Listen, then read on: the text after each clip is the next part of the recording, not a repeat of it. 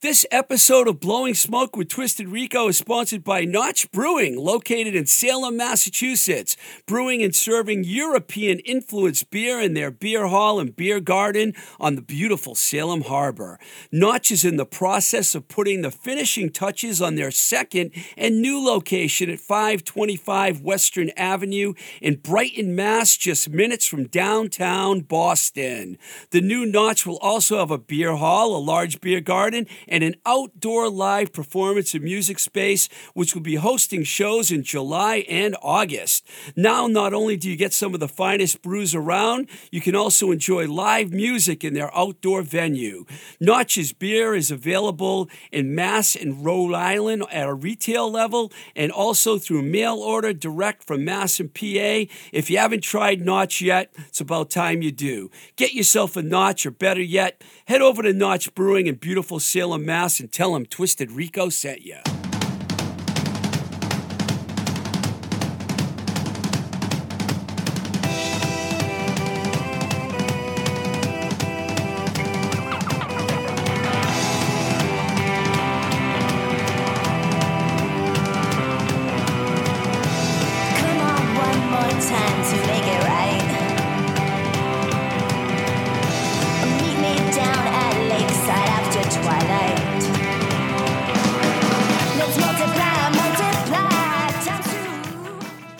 Welcome to Blowing Smoke with Twisted Rico. I'm your host, Steve Ricardo. This week we have an interview with Chris Porter. And for those of you who are not familiar with Chris, Chris started off his career in college radio, just like I did. He was at WJUL in Lowell, Mass, and then went into artist management started an indie label called Presto Records. That led to new opportunities, which included booking various nightclubs in the Boston area in the 90s, including Bunratty's, the Middle East, and Mama Kin Music Hall. And in 1997, his career moved to Seattle. When he moved to Seattle and he became the music programmer for One Reel, the producers of the long running Bumbershoot Festival, and other special events and concerts. He was at that company for 18 years. He then started his own company in 2015 called Porter Productions. Some of his current projects include Hardly Strictly Bluegrass, which is based in San Francisco. The Town and City Festival, based right around the corner here in Lowell, Mass, and the South Lake Union Block Party in Seattle. So we have a lot to talk about with Chris, and you're going to really enjoy this interview. We have some things in common because we both started in college radio, and we both ended up doing some booking. He did a lot more than I did. So before I play the interview, though, I want to play some new music for you. Got a new song here that actually is being released today.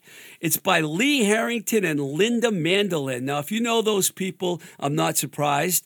Lee was the bass player, or is, because I'm not sure they officially ever broke up, of the Neighborhoods, one of Boston's all time great bands. Uh, he was on the show not too long ago, as a matter of fact, and we talked about a lot of fun stuff. And I hope to get Lee back on again. And Linda was in the band Tiger Bomb, based out of Portland, Maine. You might remember we played Come On, a great garage rock tune on this show as well. So before we get our interview with Chris going, let's listen to this brand new single, which officially comes out today. This is called Real Love from Lee Harrington and Linda Mandolin.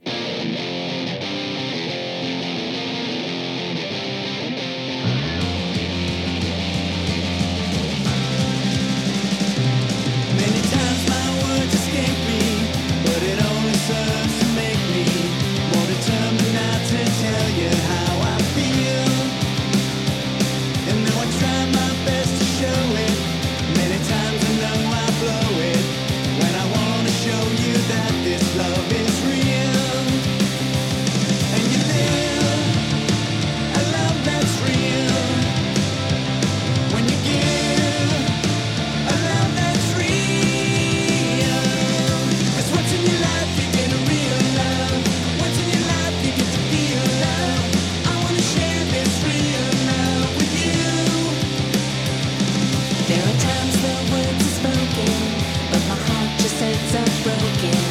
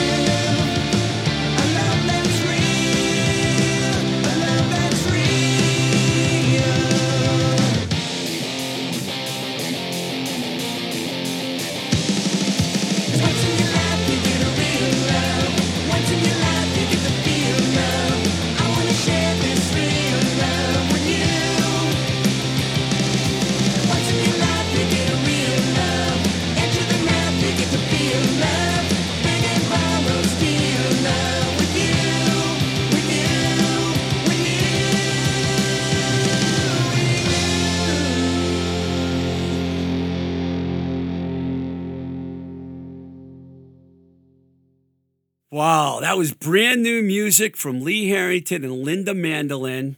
I can't wait to hear the story on how those two got together. It's almost like a perfect match.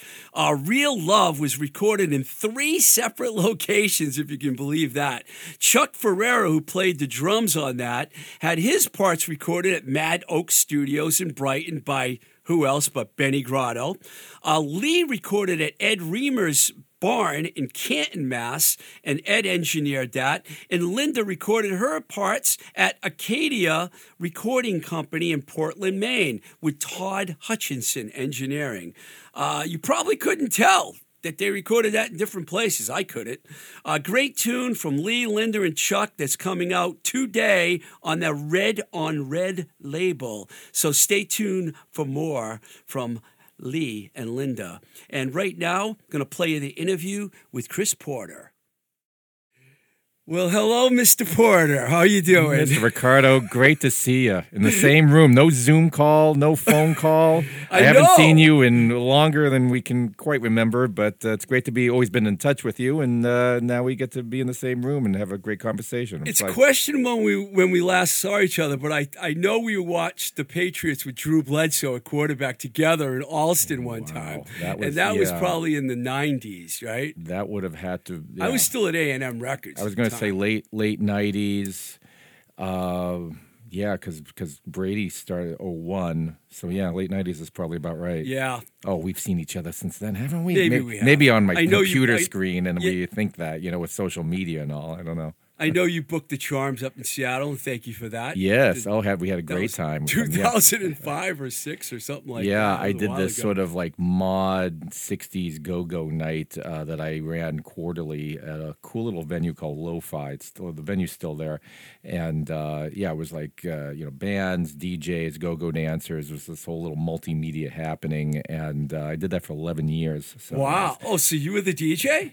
I was the promoter and one of the DJs. Was Nice. Two rooms. You'd walk in. You, didn't even feel like you were in a Seattle venue. It almost felt like an underground sort of New York uh, venue. You, it was just this long room. Room number one was DJs and a bar and everything, and then you go a little further in the back, and that's where the bands would play. But we also have DJs. We have go-go dancers, projectionists, and stuff. It was called uh, Studio 66. That's right. on Studio 54. And uh, yeah, we did it for years, and, and it was great to occasionally, if stars aligned, we could have some touring bands, and the charms were there. People people loved them. You probably knew though some of uh, Ellie from Flexi and stuff. Vaguely, yeah. She remembered me, and I do remember playing Yeah. uh, my friend Brett, uh, Brett's band. Uh, but it, you know, we had only known each other Brett very briefly. Brett Fazzulo. player, yeah. So Right. Brett, Brett, I knew knew from you know my Mama Kin days, and I think I got to meet Ellie just before I left. I left Boston in uh, early '97, so probably you know our paths crossed a little bit, but I got to know her a little more when she was at the Charms. So before we talk about your great history, let's talk about sports for a minute. Because when you walked in, you mentioned that Seattle is going to have a hockey team. Yeah, an NHL hockey team. They've had some junior league teams and stuff, but if you wanted to see an NHL game, you had to go drive all the way up to Vancouver. Uh, and uh, I'm a big sports fan uh, of all the four, five, even five spots. I'll include soccer in that. Uh, but you know, hockey. Uh, you know, a huge, huge Bruins fan, lifelong fan, and I've been hoping they would have an NHL team all the years that I've been there. And uh, one thing that led to another. They uh, this uh, ownership group, which includes Jerry Bruckheimer, the the big famous producer, of Top Gun, and all that. He's one of the main owners, and a guy named David Bonderman, who has been a minority owner of the Celtics. Uh, he and then uh, the Leiweke brothers, and there's a whole mess of people involved with it. Um, you know, gutted Key Arena and just built this whole new arena.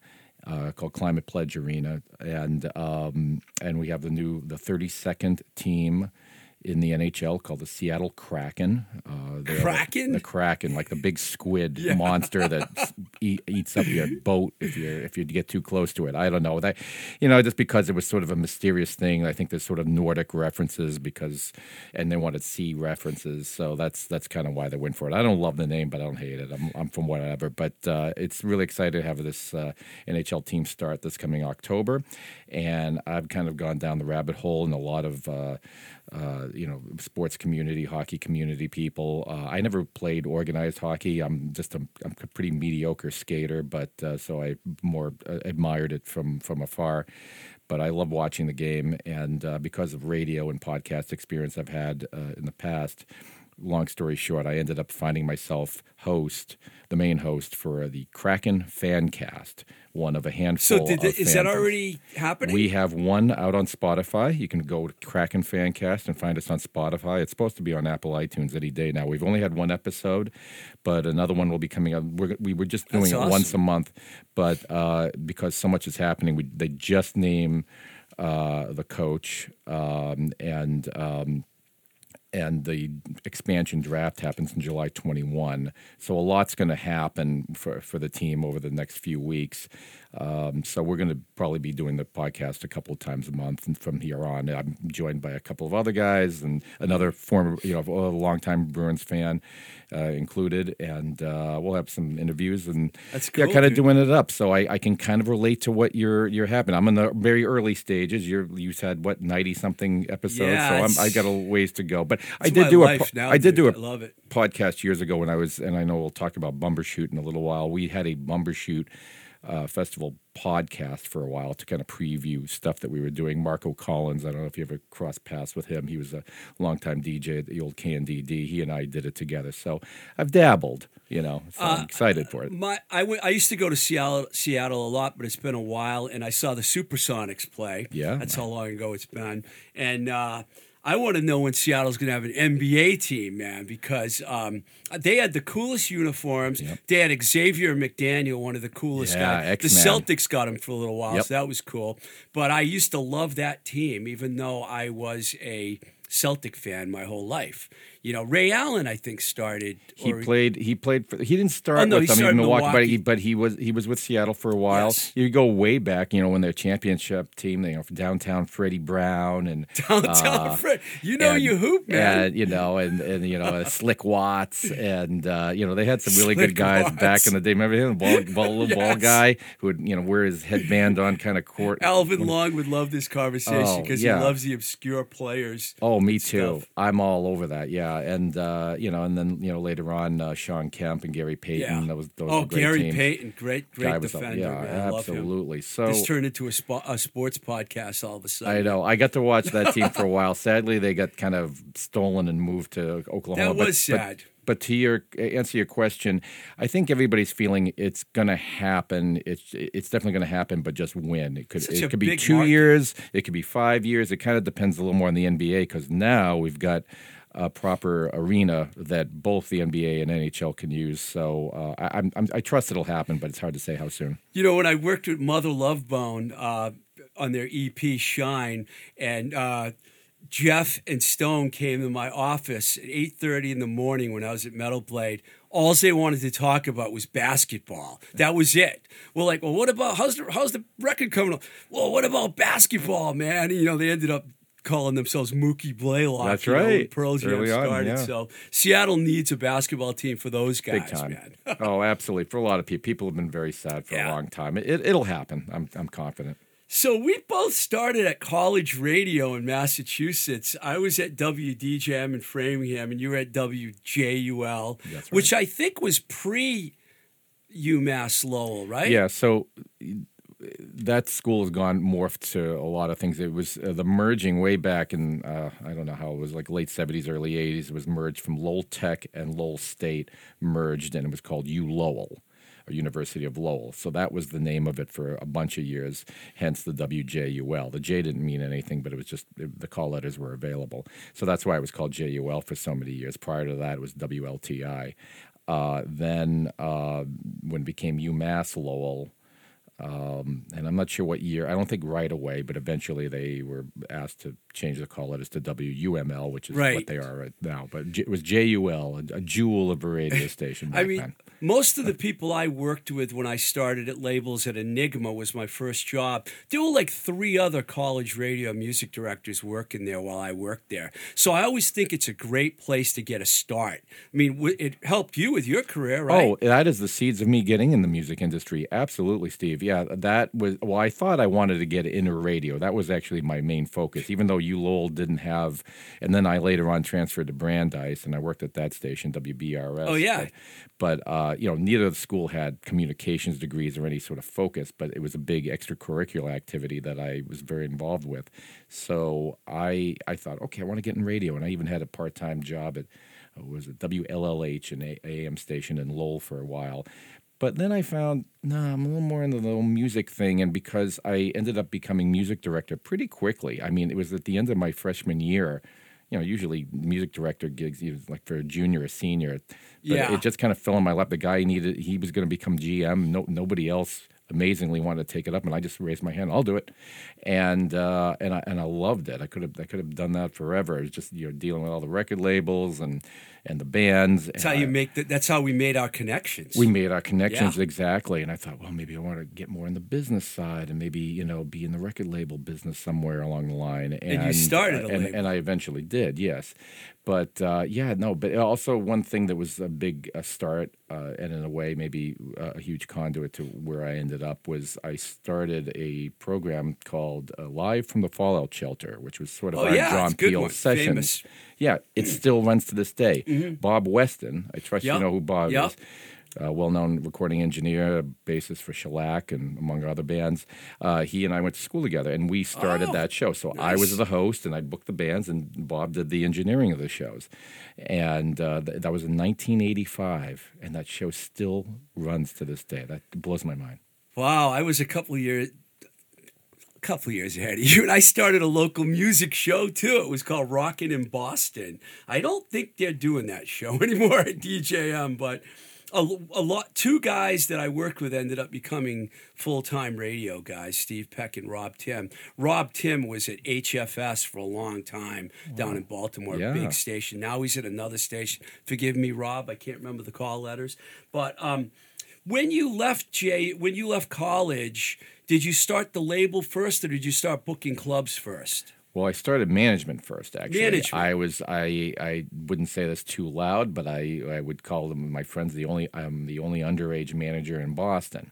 I was 20 years old and this real go getter kind of guy, and I started managing a band called Beginners Only, who ended up morphing eventually. And Bob Weston was in this band for a little while called Miranda Warning Oh yeah, and they, you know, I eventually were on my label. So I started working. They were just, you know, this band mostly out of Chelmsford, and I just thought they were Chelmsford. quite Chelmsford, you know, and and that was back in the days. that could be like quite a, a snobbery. Like if you weren't living in within 128, you were just out the out in the ether or something. So they were a good power pop band. I mean, they would get some gigs here in Boston, but I just thought. You know they, they deserve better, and, and I'm kind of intrigued about what it is, what it takes to manage a band, and I like them. So let me learn about that. And they were, you know, on the learning curve on the music industry too. And they were like, hey, you want to help? Great. This guy from College Station? Cool. So one thing led to another, and I started working with them. Um, the third band that I ever had at Live from the Fallout Shelter, which was the first, you know, Boston established band uh, that we had on the program, were Classic Ruins oh who I became fast friends with. And we, you know, we stayed in touch and everything. And I, I loved that band. And it was great that, you know, they, they came up to do the session. And we just sort of stayed in touch. And then after, that would have been 80, I don't know, it was, it was before last Eat, their album Last Eat Chickens came out. Because then when I went to Brandeis, they were working on their first album. was And- this after one and one is less than two? Their yes, that, yes, that's that's Yeah. right. Yeah, so it was long, it was long after um, the One of the of best Hearts ones. singles ever in Oh, yeah. Boston rock history. Oh, by the way. absolutely. Nyquil Stinger. Yeah, it was, those that three song thing is great. Um, they, I, you know, we stayed in touch, and I started at Brandeis, and I was in the American Studies program, and we had this pro, this class called Recording America. It was essentially a documentary class. And you could pick, you know, whatever documentary subject. And a lot of my classmates picked very heavy subjects like AIDS and, you know, urban blight or whatever they were talking about. You know, it was really heavy. But I thought I was I was really inspired by Monterey Pop and Woodstock and Gimme Shelter. You know, all these music uh, docs.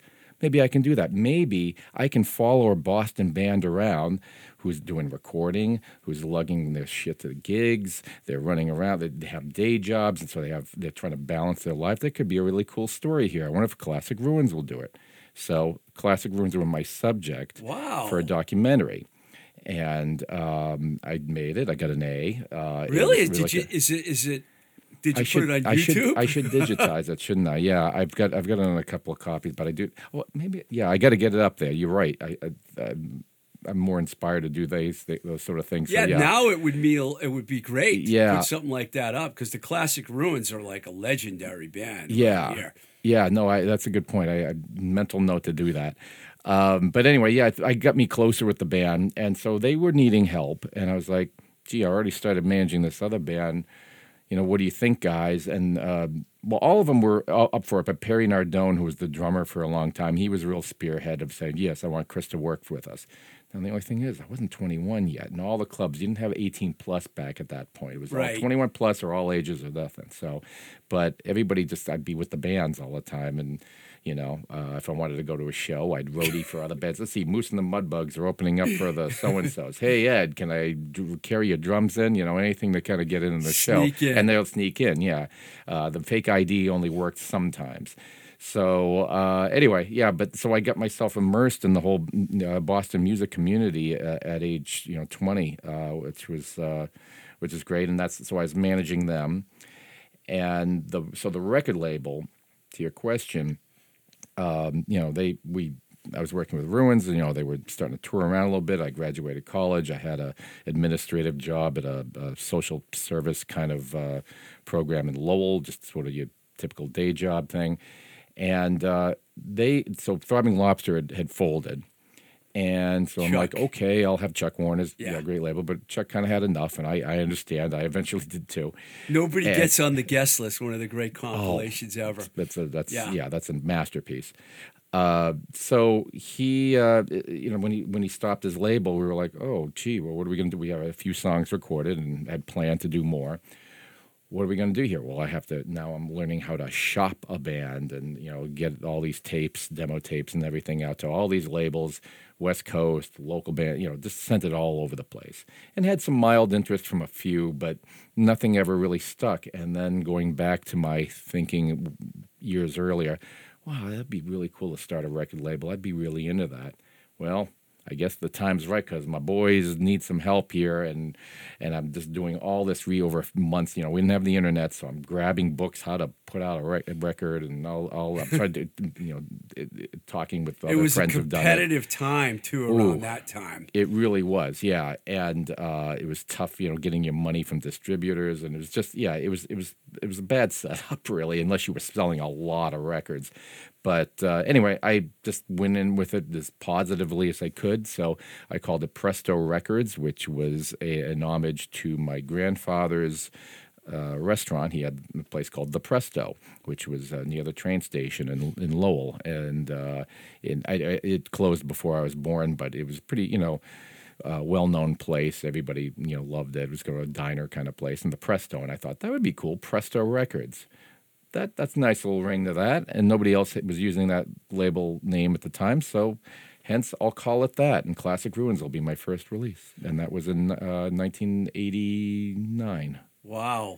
So that kind of led to all your club story, and I, I don't know if I I'm not even going to attempt to get the order right here. But w- was Bunratty's the first place that you started booking? That's correct. Yes, and they were a very hot club at that time. Yeah, I mean, Bun, Bunratty's kind of went through you know some different phases. So you know the '80s, it was uh, a guy by the name of Dave Giammatteo booked it, and it was very focused on I think a lot of Berklee bands, very sort of pro, sometimes like more hard rock, commercial Yeah, a lot of hard sounding rock bands, Yeah. yeah. they'd have commer- like the neighborhoods would play there, and a couple of bands, uh, but a lot of it was a very different scene than say what was going on at TT's and the Rat um, and I was a little more in tune with the latter. But so I didn't. I only went to Bunratty's kind of sporadically in the '80s. But then there was a change in ownership, and then some different bookers got involved with it. So it it would still book what it had, but it, it kind of opened up a little more, and there was some overlap to what you know what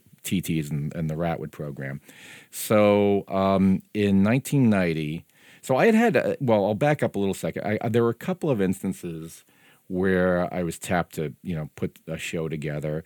Uh, once at U Lowell and and once at, at Green Street Station, Joyce Linehan was doing some Joyce. giving us all giving us all an opportunity to throw a show together, and I felt I really dug it, and I really had a knack for it, and I was like, oh, this is this is cool, you know, and making a happening, you know. And so, but you know, I thought, gee, that would be really cool to. I even remember my dad shortly before he passed away. It's like, really, I wish we get you a, a club somewhere so you can book your bands. And I was like, oh, that's nice, Dad. Well, we'll keep that in mind. And then uh, he he passed away in 1990 in January, and two months later, I'm talking out of the blue uh, with a friend of mine at the time, Donna Estes. Donna was working at Bunratty's, was booking like two nights a week there. They had kind of a, a group, uh, a committee of people doing booking at that point. And she did a couple nights a week, and uh, but she was also managing the band Think Tree. Oh, yeah. And she was getting more into the management kind of Right. side of things. So she had alluded to me. I, I was coming down to Bunratty's to catch Miles Dethmuffen, who I eventually started working with. So was this was a big night, uh, and uh, but I saw Donna there. She would sometimes waitress, and so she's like, "Yeah, I I don't think I'm going to do this anymore. Do you want to do it?" Um. Yeah. Uh. Sure. Uh. Yeah. What? What? what ha- how can? How can? How does this work? He's like, well, we'll get you an interview with the owner. Well, the owner's husband's a guy named John Crapper, so he was kind of running that side of the all the booking and everything. So, a day or two later, I have a meeting with John. I thought I'd have to go some big interview, but no, he just hired me on the spot. And uh, all of a sudden, I'm booking every Wednesday night and occasional Fridays to start. First show I did, and it was the Gigolo Aunts, the Voodoo Dolls, and I'm forgetting who was Wow. on first. I have to look back, show. but that was yeah, and it was on a Wednesday. Wow. Yeah, And- Boston used to really have good shows. You could have it on any day of the Yeah. week for a while, right? Yeah. And so, um, and it did well, and John was impressed. And then I had I had some other ideas and everything, and then uh, all of a sudden, um, I you know had this snag, and then he let me do a little more overtime, a little more overtime, and uh, then there was a, a time where. Doug Mellon and Chuck White took over the running of the thing. White. They were calling it uh, the Melody Lounge. That lasted literally like for months, I think. But I was still working with those guys. To you know, I was still around for a bit. And then when Lorraine Curtis, who was was the owner, she was married to John, took it back. They brought me in to be a manager. I, I booked the whole place. That was like the last year and a half of or so of, of Bunratty's existence. So uh, yeah, so that was the first one. I was there for almost three years to the day, to, to varying degrees. And then from there, I went to the Middle East. Middle East was second. Okay, and Mama Kin was third. Okay, Yeah, I couldn't right. remember the order. but- Middle East Club had just maybe months earlier, I don't know, maybe like six months earlier before I got there, they had opened up the downstairs, which had been the old Oh, yeah. Central Lanes bowling alley, Right. and they renovated to this room. Who was booking upstairs at that time? I know Billy Ruane kind of started. well, there was run. such a morphing. Yeah, Billy Ruane, and Martin then Doyle was he the well, Martin. Yeah, so Martin left, and he ended up opening up the Causeway. right, right. So that's why I was brought in. So Martin, you know, uh, was was in the midst of leaving, and so I I was brought in the book the downstairs. Dave Sheehan was Oh, doing the upstairs at that point. But I was just going to say when you said Billy Ruane, there was a lot of juggling. I'm, I'm forgetting the, the man who did it after Billy. It was somebody else in between. There was a lot of juggling, and then Martin had done the upstairs while they were renovating the downstairs, and you know there there was a lot of some turnover over the years. But no, Dave Dave So- Sheehan and I were there together. so you were the first booking agent of the downstairs. Not the technically, no. M- Martin had done it earlier on. He started? Yeah, Mar- Martin. Yeah, Martin was there uh, for the first few months. Did that room take off right away? The downstairs room? Well, Because I knew upstairs was really popular. Right oh yeah, yeah, for sure. Um, I mean, I, I guess it depends on you know how people consider takeoff. You know, I mean, I, I to to a degree, sure. I, I think it, obviously it expanded the scope for the venue because all of a sudden now they could book bigger bands because what was happening is you know you'd have you know packed out nights and then you know bands invariably need or want more money and so then they'd go to bigger rooms you know and you know play at TTs or the or Paradise or wherever. So now that didn't necessarily have to have to happen. You, you have these bands graduating from the Middle East upstairs to Middle East down, and I think it also because of the production of the room and everything. And I think I like to think I brought in uh, you know a lot of positivity to the place, and I was trying to You're be a as positive guy, Chris. I aim to, you know, and can you not to say it was negative before, but I'm just saying I just brought, you know, I, I- I think some some professionalism in there that a lot of there were a lot of agents who weren't selling stuff there started to. And so I think uh, you know over time th- th- that was that was all, it also had to do with timing. You know that would that um, that middle period, early '90s, early mid '90s was all about you know the alternative world and the rock world and and the grunge and whatever we want to call it. Um, and it was just a fantastic time. People going out a lot. Um, and uh, we just had all these acts that they also wanted to play the cool room.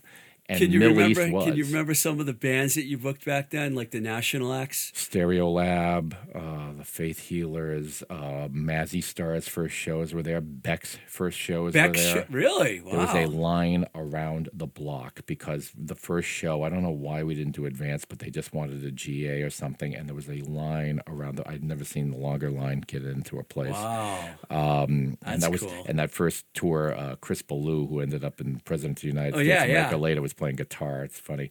Um, those those are some I could go on and on. I mean, there were a lot of very notable acts that that played there. I, I also even some classic rock acts. Like I was so proud of myself. This was maybe a little I didn't realize at the time, but maybe a little seeds of me getting into the festival world, trying to curate things timing wise. So Ray Manzarek from The Doors did this album with Michael McClure, the poet. Where Yeah, I remember that. Remember, and so Yeah. Manzarek's playing piano and McClure's doing his poetry. You over it. did not book them at the Middle East. Oh yeah, but it gets better. Um, I booked them at the Middle East as on the same time that Arthur Lee and Love. Arthur Lee is making a comeback. wow. And the famous one of the famous quotes of Jim Morrison early on was his his goal for the Doors was just as long as we can get as big as Love, big as the band Love. That's cool. And they would open up. Now I thought I had read the Doors that opened up for Love a number of times. Ray eventually told me no, they only did once, you know, maybe twice. But you know, they were contemporaries. They were early Elektra Records acts and everything. But I'm thinking this is like L.A. 1967, and I can put it together. And I have a photo of That is- Ray and Arthur together. I have a photo of me and. Ray and Michael together, and it was uh, that's one of a number of I was in L.A., so I missed that, but that sounds amazing. Yeah, you know, so that things like that, or having oh, this was great. Uh, I remember Dred Zeppelin? They- Yeah. Okay. Uh, the for those who don't know who they were, they were this uh, Zeppelin cover band with an Elvis impersonator and a reggae vibe. It was like reggaeized Zeppelin songs with an Elvis uh, uh, vocalist. Um, so they were, you know, real quirky, you know, hot at the time. So I should get somebody. a few tickets at the downstairs, the Middle Oh East. yeah, but but again about the curating though. But who could I get to open for this? I know Tiny Tim.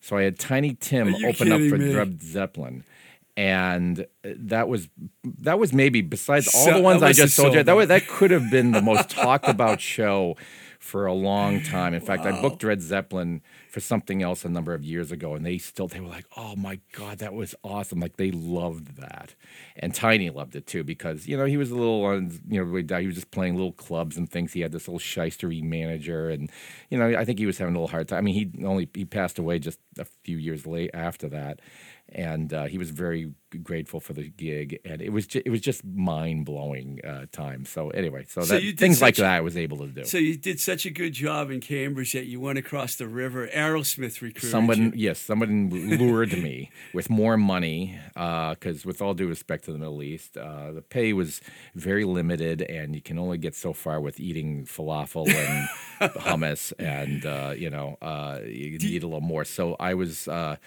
yeah. Who was? Do you remember who it was that got you to over to Mama Kin? So, well, I mean, it was a. T- I, I think the the main person was Tim Collins, their Oh, yeah. longtime manager. I think it was main. I think it was time. mainly because Yeah. Tim. But you know, they did their research and they wanted. I think you know, uh, to put it in a tiny nutshell. I think they just wanted their own Middle East esque place in the sense that it was, uh, you know, something for the Boston community, a really nice place for local bands to play, and there was like a little studio you could record your gigs there, and but then also find place for for touring acts too. So uh, Aerosmith just kind of they looked at it. The band looked at it as they just wanted to give back to the to the community that, that did so much for them. Uh, they partnered with the Lyons Group, who uh, not right or wrong, but just had different ways of doing business Right. than Aerosmith did, and that eventually caused some difficulties and why the I think the, the the main the root of the cause why the uh, venue eventually shuttered after or they changed it around after four years. But Aerosmith were great. They were on a little bit of a break at the time, so they could wrap their heads around the whole concept. Tim was you know. Spearhead there. But I had a phone call from a guy named Brian O'Neill. I don't know what happened to Brian. I think he's been in the restaurant business for a long time. I haven't been in touch with him in a while, but I got this call out of blue from his assistant because Brian was manager of Sonsie at the time, the restaurant on Newbury Street. Oh, you know, Brian would like to have lunch with you and tell you about a new project. And I'm like, or new something new. And I usually I get so cynical. And it's like, oh God, what does he want me to book his girlfriend's band or something? but fine, I'll have a free lunch at Sonsie. What the heck? And uh, they sat me down. He's like, well, you know, did you do you know what's going on in that building? It was an old photo lab building next to uh, well, w- w- was Avalon at the time. And uh, I just said, well, no, I heard some theater. And he's like, no, no, this thing for Aerosmith. And he tells me about the whole plan and multi rooms. And uh, Tim Collins, you know, the band and the Lyons Group specifically want you to book this club. And I'm just, my jaw dropped. I'm like, Aerosmith, how the how the hell do they know who I am? What? I've never met any of these people. What do they know? You know, but you know, just they they welcomed me, and uh, it was it was it was a great time, and it was definitely another level up uh, from my career. And uh, I was there for so I was there at Middle East for exactly two years, and at Mamakin for exactly two years. That's a long time if you're a booking agent. I attempted to book clubs a few times, and that's a tough job, dude. That's- you have to have the right temperament and I, I know it's not for me I, I, it's fun but uh, although i have more fun with festivals because to me there's a lot more creativity in that booking a venue is all about filling a calendar as much as you can and how did selling the bar drinks do too, right? that's yeah. that's what how did the bar do because that's what it's in business for not to entertain you it's to get your butt in the door so you'll buy stuff um, so So was it right after your time there that you were you recruited to go to One Reel? Yes. Or so yes. they okay? Well, how did that but happen? again, Because- and your your life, you could say too. This those weird connections that you Yeah, get, and yeah. out of sometimes they're they're they're connections that are worked on, and sometimes it's just kismet. This is a great, incredible sort of. Um, Destiny story, and I have a lot of them in my life, and I'm very grateful for it. Um, so, as you know, I'm from Lowell. Uh, That'll be significant. You and Jack story. Kerouac. Me and Jack Kerouac, Bette Davis, and uh, James McNeill Whistler, and Ed McMahon. All Ed from McMahon's from Lowell. wasn't born there, but from his grade school on, he lived in Lowell. Wow. He and I both Lowell High Didn't graduates. know that. So um, I so at the Mamakin time. Uh, in uh, January, February of '96, uh, I went and met up with Tim Collins at this uh, conference at Pollstar, the sort of the Billboard Yeah, magazine of the concert right. industry. Uh, they they've had conventions in LA for many many years. So I I was encouraged to go to it, and they, you know Mama Kin was paying for it, so I'm like okay. And Tim, you know, met up with Tim, and he was introducing me around. It was a you know good experience for me. I was meeting some of the giants uh, of the business at that time. Um, but you know, we all have our lunches, and you know, when you go to a conference convention, you, know, you get your little laminated badge. Hi, I'm Chris Porter, Mamakin Music Hall. Been to many of those. blah, blah. right? You know, got a whole bag full of them somewhere. So yeah, me too. so you, uh, I sat down at lunch. Uh, Jody Goodman, who worked for Don Law for many Love Jody. years. Jody was out in San Francisco now. She started at the Rat, right? No, she was. oh, oh uh, Storyville. Storyville. yeah. Yes. Storyville, Yes. Yes. Yeah. I think that's that's right. Um, so Jody, uh, well-known booking agent Frank Riley and his Yep. wife, and so I'm sitting at this lunch and mainly hanging with them. But there's a woman to the right of me, and so after we're all chatting and started eating, this woman pipes in and is like, "Oh, well, how's Mama Kin doing? Uh, I, I used to live around Boston for many years, and I was like, "Oh yeah, okay, well, I you know it's good." And then blah, blah, blah. What do you do with you know? She said, "Oh, I work on the Bumbershoot Festival, which I vaguely, vaguely heard of, but I didn't really know anything about." And so we're chatting for a little while about our business, and I was like, "Well, hey, well, where in Boston did you live?" She said, "For a little while, I lived in Arlington, but uh, actually, my family and I, for for many years, uh, lived in Lowell." I'm like, Uh oh. "What? Lowell? What? Three thousand miles away? I'm meeting somebody from Lowell? What?" And anyway, I'll for, fast forward the story. It turned out after some more discussion, her parents knew my parents. I distantly knew her youngest brother. Uh, they lived maybe about seven blocks away from my family home And here we are, just like, oh my God. And she worked, you know, she was the program director for this company, One Reel, that did Bumbershoot and among some other events. And oh my God, that's amazing. So anyway, we stayed in touch, just good friends. I bumped into her at South by Southwest a couple months later. And so we had this sort of connection. And then her boyfriend at the time worked on the Jimi Hendrix uh, uh, Foundation, and they were doing a traveling guitar competition. And they did the Boston version of that at Mamakin. So I got to know this guy, Joe, a little bit. And so that's significant because months later, I guess I would say this is probably late October. I I'd kind of had enough, Steve. I just felt like I was spinning my wheels. Uh, You mean b- at Mamakin? Yeah, at Mamakin, Yeah. and even in Boston, I was just like I felt underappreciated. I was going through a lot. Tim Collins had been let go by Aerosmith, which had had rippling indirect effects on on what was Yeah. going on at Mamakin.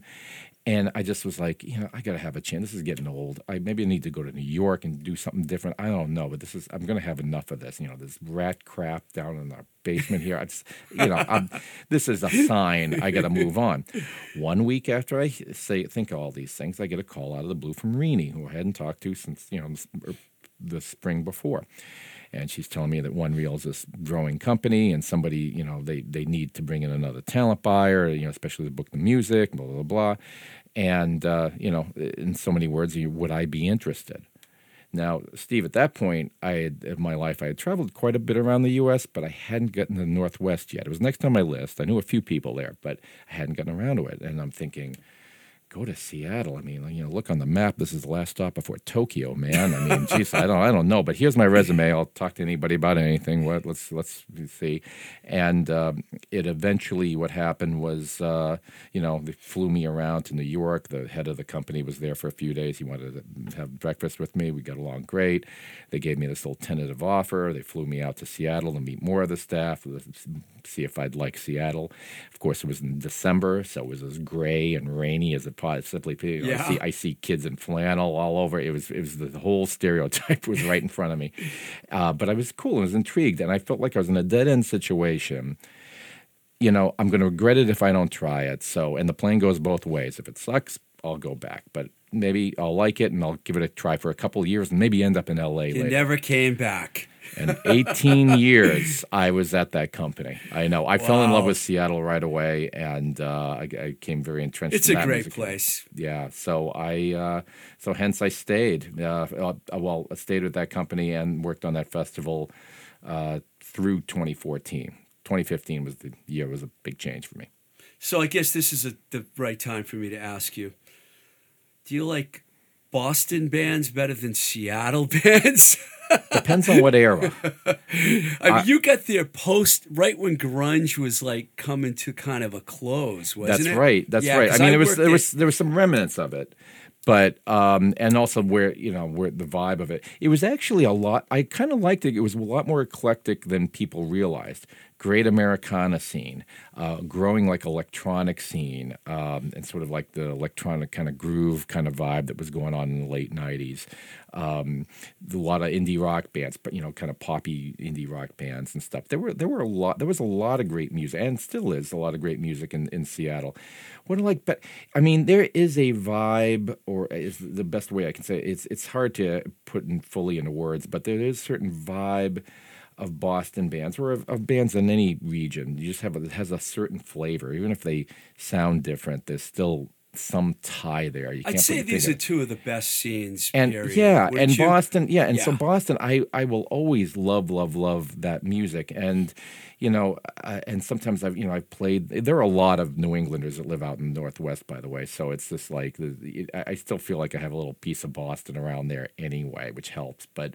uh I, yeah, it's hard for me. It's a you know I, I love them both. I don't think it's a competition. You know, I mean, there's certain time things that uh, I I depends on what I feel like. I feel like listening to some Boston bands right now. It's cool, you know. But uh, Seattle, Seattle's had uh, a great history too beyond the grunge stuff. So. Uh, you know, it, it's it's they're both great areas. I mean, in a lot of ways, I look at Seattle as a huge version of Cambridge, because there's an urban there's an urban area, but beyond that urban area, it's it's very they're it's very neighborhood centric, and all the neighborhoods are very distinctive, Right. And they have their own little cultures and vibes and those things. So that's why, and I think Cambridge is a similar situation. because I worked at A and M Records for a long time. let's see, Sound. First, well, Mother Love Bone was before I worked at A&M, but Soundgarden, Temple of the Dog, Love Battery, Hammer Box. Those are just some of the bands I can remember that were released through A&M. So I got to know a lot about Seattle, you know, and of course Soundgarden, you know, and the whole I feel like I somehow always felt connected to that grunge scene, you know, because of Mother Love Bone, and I even knew Green River, you know, which was before Mother Love Bone. Before Yeah, pre, they were really, mud. Yeah. I mean, Green River was like the first one I think that started that whole Oh, yeah. thing going up there. Oh yeah, I mean the band that I really took to was well, which was part Green River. Uh, was Mark Arm's band. Uh, was Mudhoney. I Right. thought that was, uh, you know, it, when Nirvana came out, I, th- I thought they were, you know, when Bleach came out, I thought it was good and all that. But at that point, I was thinking, I was kind of feeling a lot of those bands were feeling a little samey to me. I said, Mudhoney, that's the band that's going to really make it. Now I did. Pick a good one there. They probably had, they had the long most longevity. So you know, I guess my pick wasn't super off, but Nirvana just that that, that put everything else in the stratosphere, didn't it? Yeah, so you know we got to talk about Bumbershoot because it's a very Mm-hmm. successful regional uh, festival. What is your recollection? I mean, there's so much, but what, when you think about it and you summarize that period for you, what do you remember the most about it? Well, I mean, how artful and um, creative an event it was. It was. I was very, very, very fortunate to work on that event because a lot of festivals are all about whatever's hot at the moment and or whatever the sound is at the moment. I mean, when you you think you're going to go to Lollapalooza, or you know, back in those days, it was the Horde Festival, which Yeah, is a little more yeah. jam bandy. You know, you had certain things, but you knew what the vibe. Even though they'd have a mix of sounds, but it was a certain vibe. It was for a very pointed audience. Bumbershoot was really truly meant to be and was to uh, to a large extent a little something for everybody. It truly was. It was. So, I don't think there was a more, with the possible exception of Milwaukee Summerfest, I can't think of a festival back in those days, or maybe even ever, that's more eclectic than Bumbershoot was. You'd want to have a kind of a, a, a, a balance. This is what I would try to do. I mean, I look at putting a festival together as an art um, and uh, you know at least a good one, and uh, you're sort of painting this picture. And yes, you're booking some some acts, some performers, some attractions that are going to sell the tickets. But what else are you going to put there for it to be a truly memorable situation, memorable event for the patrons, or even for the performers, that for that matter, and where they're going to go like, "Wow, that was amazing." You can do that at a club or theater show to some extent, but it's obviously those shows are all about that one or two bands. This is like a potpourri of, of sounds and visual art and, and all kinds of things that we did. We have different genres. It leaned more like rock stuff, but uh, and Americana. But you know, we would have singer songwriters. We'd have jazz. We'd have funk, soul. We'd have world a lot of world music, um, and also probably i mean this varied from year to year but i'd say every year while i was working at it anywhere from 35% to 50% of the artists playing there were uh, regional acts were, were from the northwest. That was a very important thing for us to, to fly the local flag Right. and, and showcase those artists because a lot of big festivals just maybe have a handful and then it's all about the touring bands. So um, i mean it was enormous. I mean we would book i mean kind of like a, you know over a hundred acts, plus comedians, plus visual artists. Were there any like? What are some of the things that you remember the most about your years booking? Like some of the headliners that really like Well, uh, blew your it's mind? interesting we mentioned Beck earlier. My very first Bumbershoot um, was when Beck's uh, album uh, as Odelay was coming out, and uh, so that was 1997. And uh, I'll back up a sec, Steve, and just say like how in a lot of ways it was intimidating for me to get this job because you're at Seattle Center, right, which is right underneath the Space Needle. It's this big Yeah. campus. Our main stage is the high school football stadium that's there that fits twenty thousand people. The most, the biggest act I had ever worked was putting Gwar, Gwar on it, the Venus de Milo for eight hundred people. That's the biggest Venus thing I ever worked. Milo. Oh, That was the biggest show I ever put on. I had Swans at Somerville Theater. That was seven hundred. I forgot all about Venus de Milo. You pulled one out of the Yeah. Yes. Oh, yeah. I have a lot. I was there long Lansdowne defunct. Street. Exactly. One of those lost Lansdowne Street. because they yeah they were too big to play at at Mamakin. Pl- um, plus uh, they would have made a mess. So Venus de Milo was you know I think they were uh, going through a free renovation, so we're like fine they can go make a mess.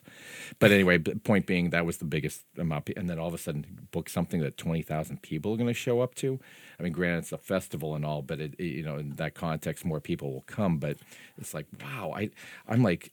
I'm looking at all this now. Granted, I had a support system of colleagues that, that helped me out and helped me transition in Right. pretty easily. But it was, I'm like, oh my god, what am I in for here? It's like you know, I can just see the Seattle Times worst bumbershoot ever, thanks to Boston guy. I'm like, what am I in for here? But I just you know, grit my teeth.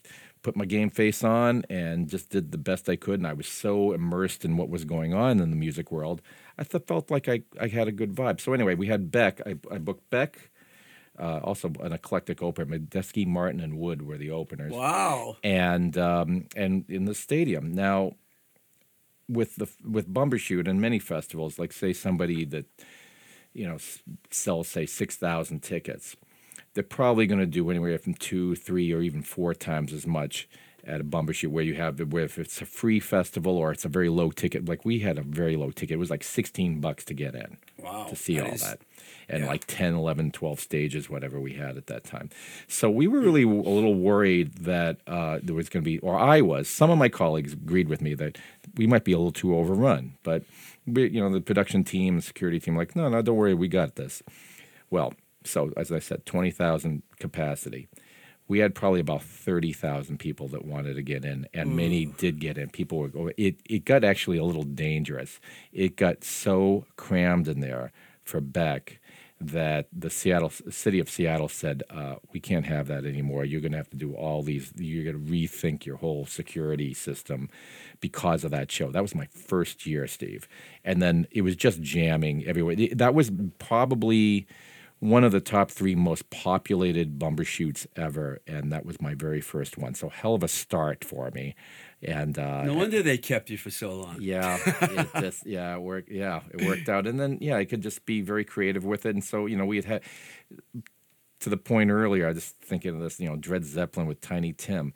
I I could do that sort of thing uh, at uh, at Bumbershoot. I caught wind of I was in the midst of booking Screaming Trees, and this ended up being I think like their next to last show ever.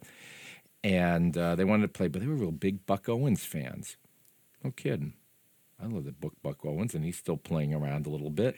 So we had Buck Owens and Wow, Screaming Trees eclectic. together. Holy cow. Now I can't say they're always that eclectic, but that's but you know before I got there, uh, you know I, I always said people would talk about the story. I didn't I didn't I wasn't at it, but uh, they had the Ramones booked, and uh, shortly before him they had Mel Torme play. Only at Bumbershoot, man, could get away with that, you know. So, how many Boston bands hit you up for this? Did you get a lot of like, "Hey, remember me?" You know, I mean, I know you helped me get a show in Seattle, and it was had nothing to do with Bumbershoot, but you didn't have to help me. But I'm sure a lot of Boston bands on tour probably called you. Yeah, remember me? um, I played at Bunratty's in '97. You know, help me out. Hello, hello. I can't hear you on the phone. Hello. I, yeah, sorry, we're too far. I call back later.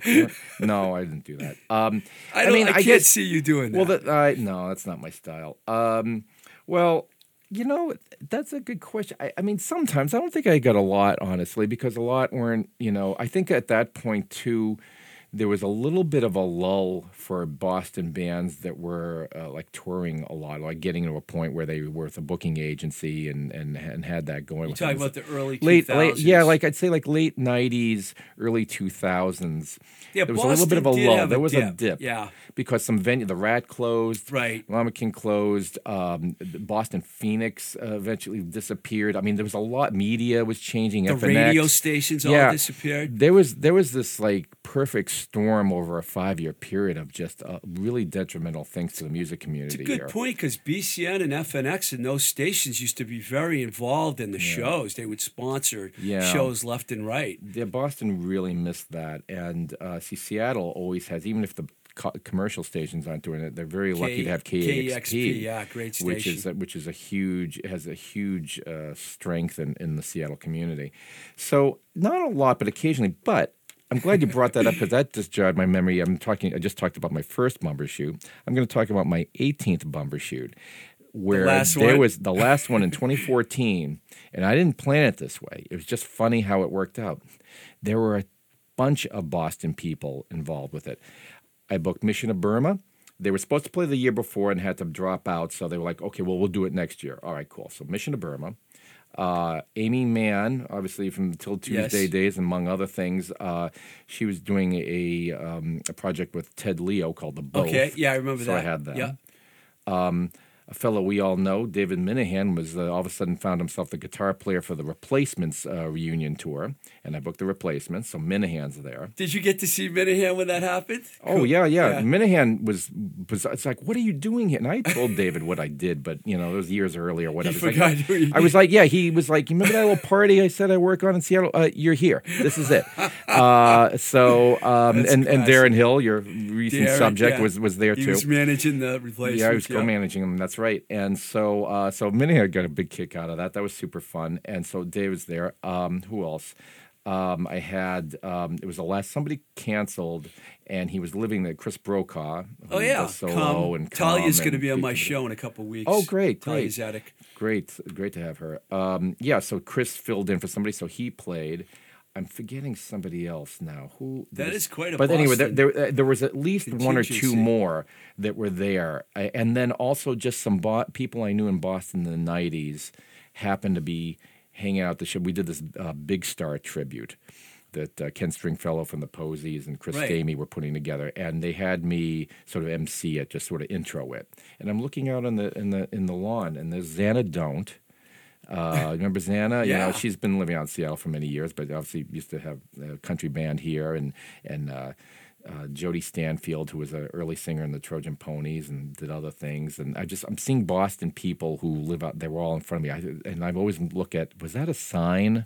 was that a sign? It was just like all this Boston in my last year. I, I thought it was it was nice. I, I was glad to see that, but it, it just it's funny how the stars aligned for it. Yeah, that sounds like quite a. I mean, having Minehan and the Mission of Burma in the same place is Yeah, always good. It's always good. Old Ace of Hearts stuff there, right? So Yeah. you you you started Porter Productions is your latest company. Yep. And um, I wrote a couple things down here. In recent years, you've been involved in uh, Experience Music Project, which is now called Mopop, uh, Ben Aroa Hall, and the Fremont Fair.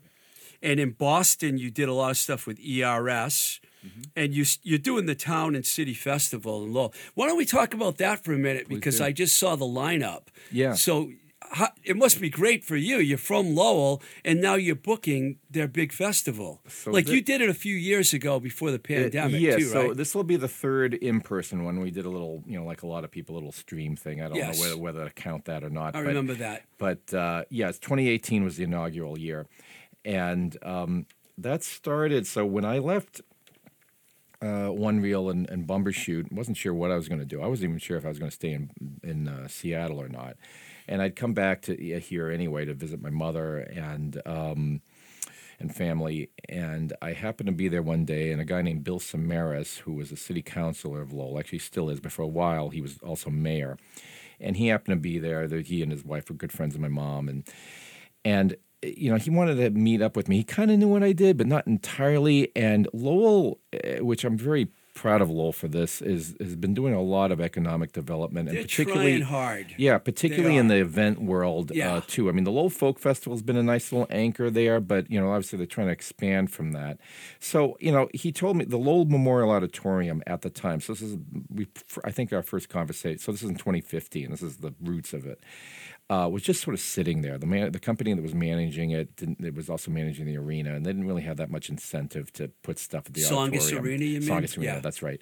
And so he was wondering, you know, is this, you know, we had a number of conversations like, you know, is something I could help with to, to maybe do that. But I was like, you know, I'm not really a facilities kind of management guy, but uh, uh, what I do do is festivals, and maybe I can come up with sort of a template that might make sense here.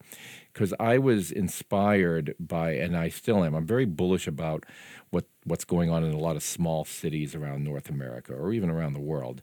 And I'm seeing festivals like um, there's a great one called Treefort Music Fest in Boise, Idaho, that was just started with six clubs, like, I don't know, 10, 11 years ago. And now that thing has just grown and grown and grown.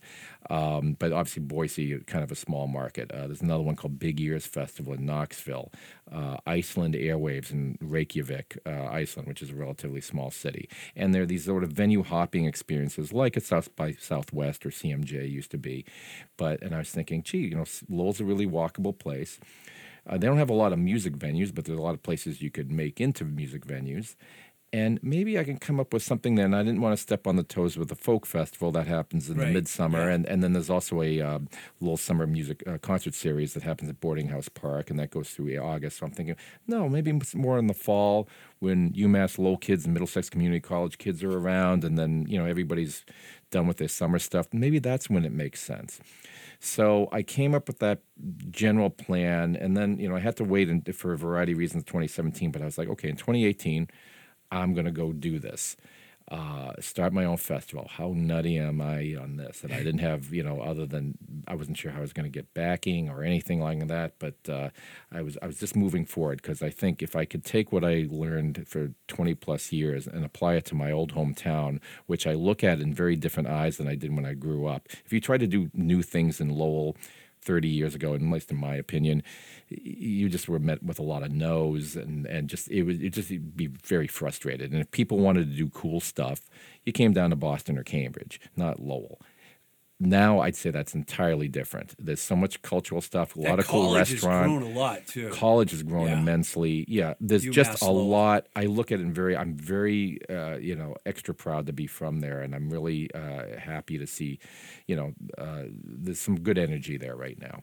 It still needs some help, but it's it's because there's an enormous visual arts community there. Enormous. There are mill buildings just filled with artists. Uh, and I love, you know, the music and other art disciplines are, are there, but it would be nice to see them grow. So anyway, I came up with this, but this was a little issue though, because really what the plan was was to sort of have this run concurrently to uh, a small uh, sort of festival called the uh, Lowell Celebrates Kerouac, which has been going on for a long time.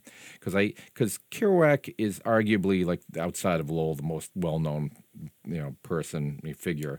Yeah, and. I didn't want to do a Jack Kerouac themed event per se because there already is one, and I really wanted this to be more broad, also just a celebration of Lowell and give a possibility of, of bringing people to Lowell for great you know great attractions, great performers. So and then also try to engage in the uh, the businesses around there, the bars and the galleries and stuff, which uh, you know. Uh, you know have limited business means. So uh, that was the whole point of it. And so I that's always in early October.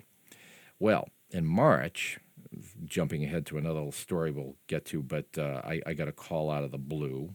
Well, I got a call out of the blue actually in January uh, from an old friend of mine, Sherry Sternberg, who I, I used to work in uh, production in San Francisco for many years, and uh, she was the production director for a festival called Hardly Strictly Bluegrass in San Francisco. It happens in Golden Gate Park. I had attended it once. It's an amazing event. Uh, started as a bluegrass festival, but morphed more into what I'd call an Americana-leaning eclectic festival. So sort of similar to Bumbershoot Um, the woman who had been programming it before was semi-retired, and they needed another talent programmer. And wondered, would you be interested? This sounds like my, my story from back in '96. And I was like, absolutely. I, I you know, I after leaving Bumbershoot, I was missing working on a, a big mega event like that. And so, fast forward a couple months later, I ended up, you know, they were interviewing a lot of people, but I, knew, I, I ended up getting the contract.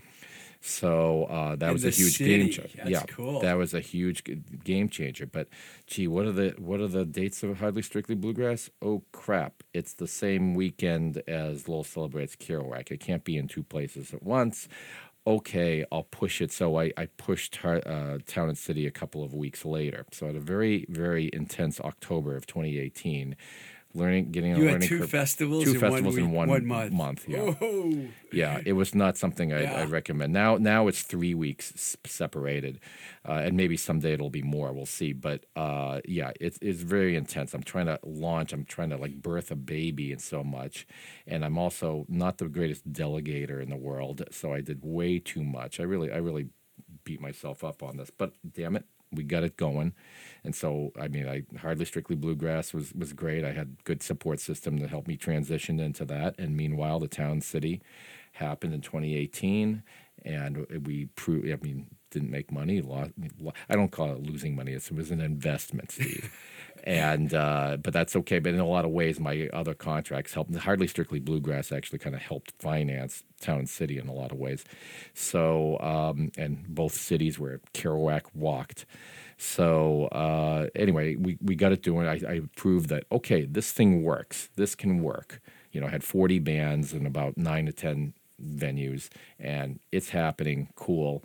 We'll do it again, but I got to see some growth. And so then 2019 it happened. We had got Buffalo Tom to play and Bob Schneider and a bunch of you know a lot of cool bands, and uh, we did see growth.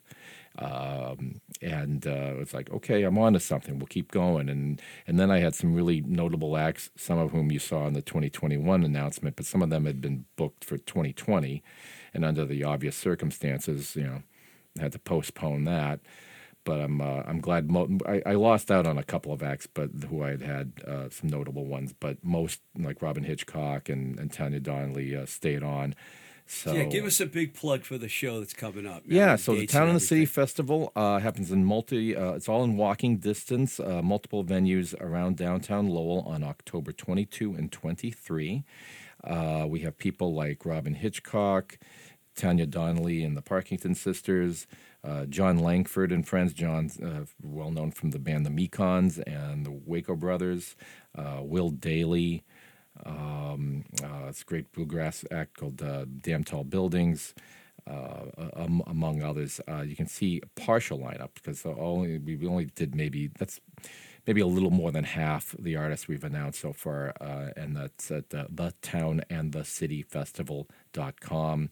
Um, there is right now the s- tickets that are on sale are the passes would have like an early bird rate of uh, thirty of uh, sorry forty dollars for for a two day pass. So that gives you carte blanche to go in and out of any of the venues. Uh, but later on in July, we'll announce more acts, and you can also buy individual tickets. There are different tiers uh, for for you to gain admittance. But uh, yeah, we've had you know a couple thousand people that have attended it, and uh, we hope that people are very excited about this one. And um, It's a great story that you're you're going back to, went back to your hometown and you're able to give something back to them, man. That's you know? how I feel. Yeah, That's fantastic. Well, you've had quite a career, man. I love, I love it. It's like just so much cool stuff.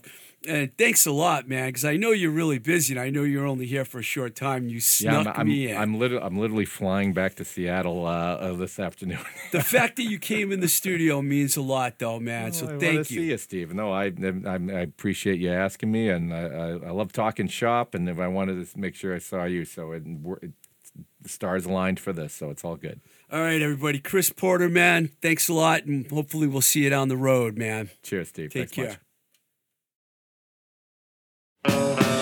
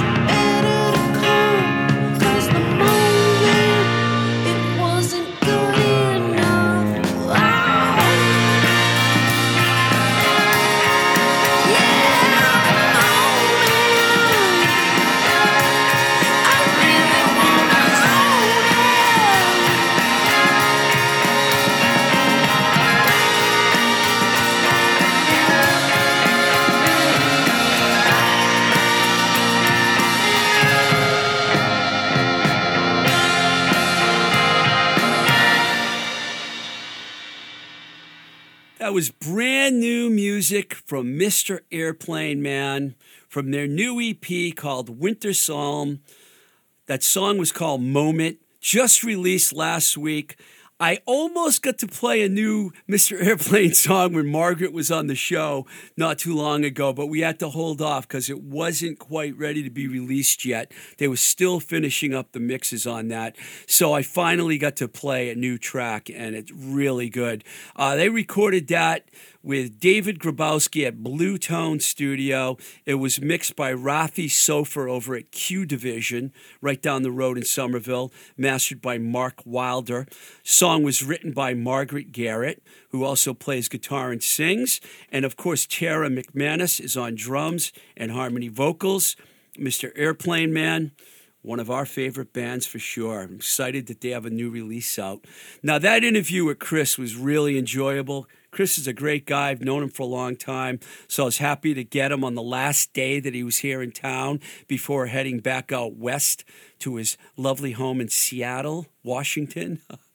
um, anyone that's ever been involved in booking for that many years, you have to admire because I booked a few different clubs on a few different occasions. Let me tell you, it is not a fun job. It's not fun on either end. It's not fun when you're booking bands, and it's not fun when you're booking clubs. It's just not fun. But people in bands don't always seem to understand that. But it's a pain in the ass job, but somebody's got to do it. So if you want to reach out to me, you can reach me at twistedrico at gmail.com. And on Instagram, we're at Blowing Smoke with TR. There's also a Twitter account, blowing at Blowing Smoke BS. And if you want to donate and support this podcast, we have a Patreon account. It's patreon.com forward slash Twisted Rico. We also have a YouTube page where you can find some of our shows in audio form there. I want to thank Mike Nash here at Voice Motel for recording the show today. And he also does another show that I'm on. Actually, two. One has not come out yet, but I'm looking forward to the release of that.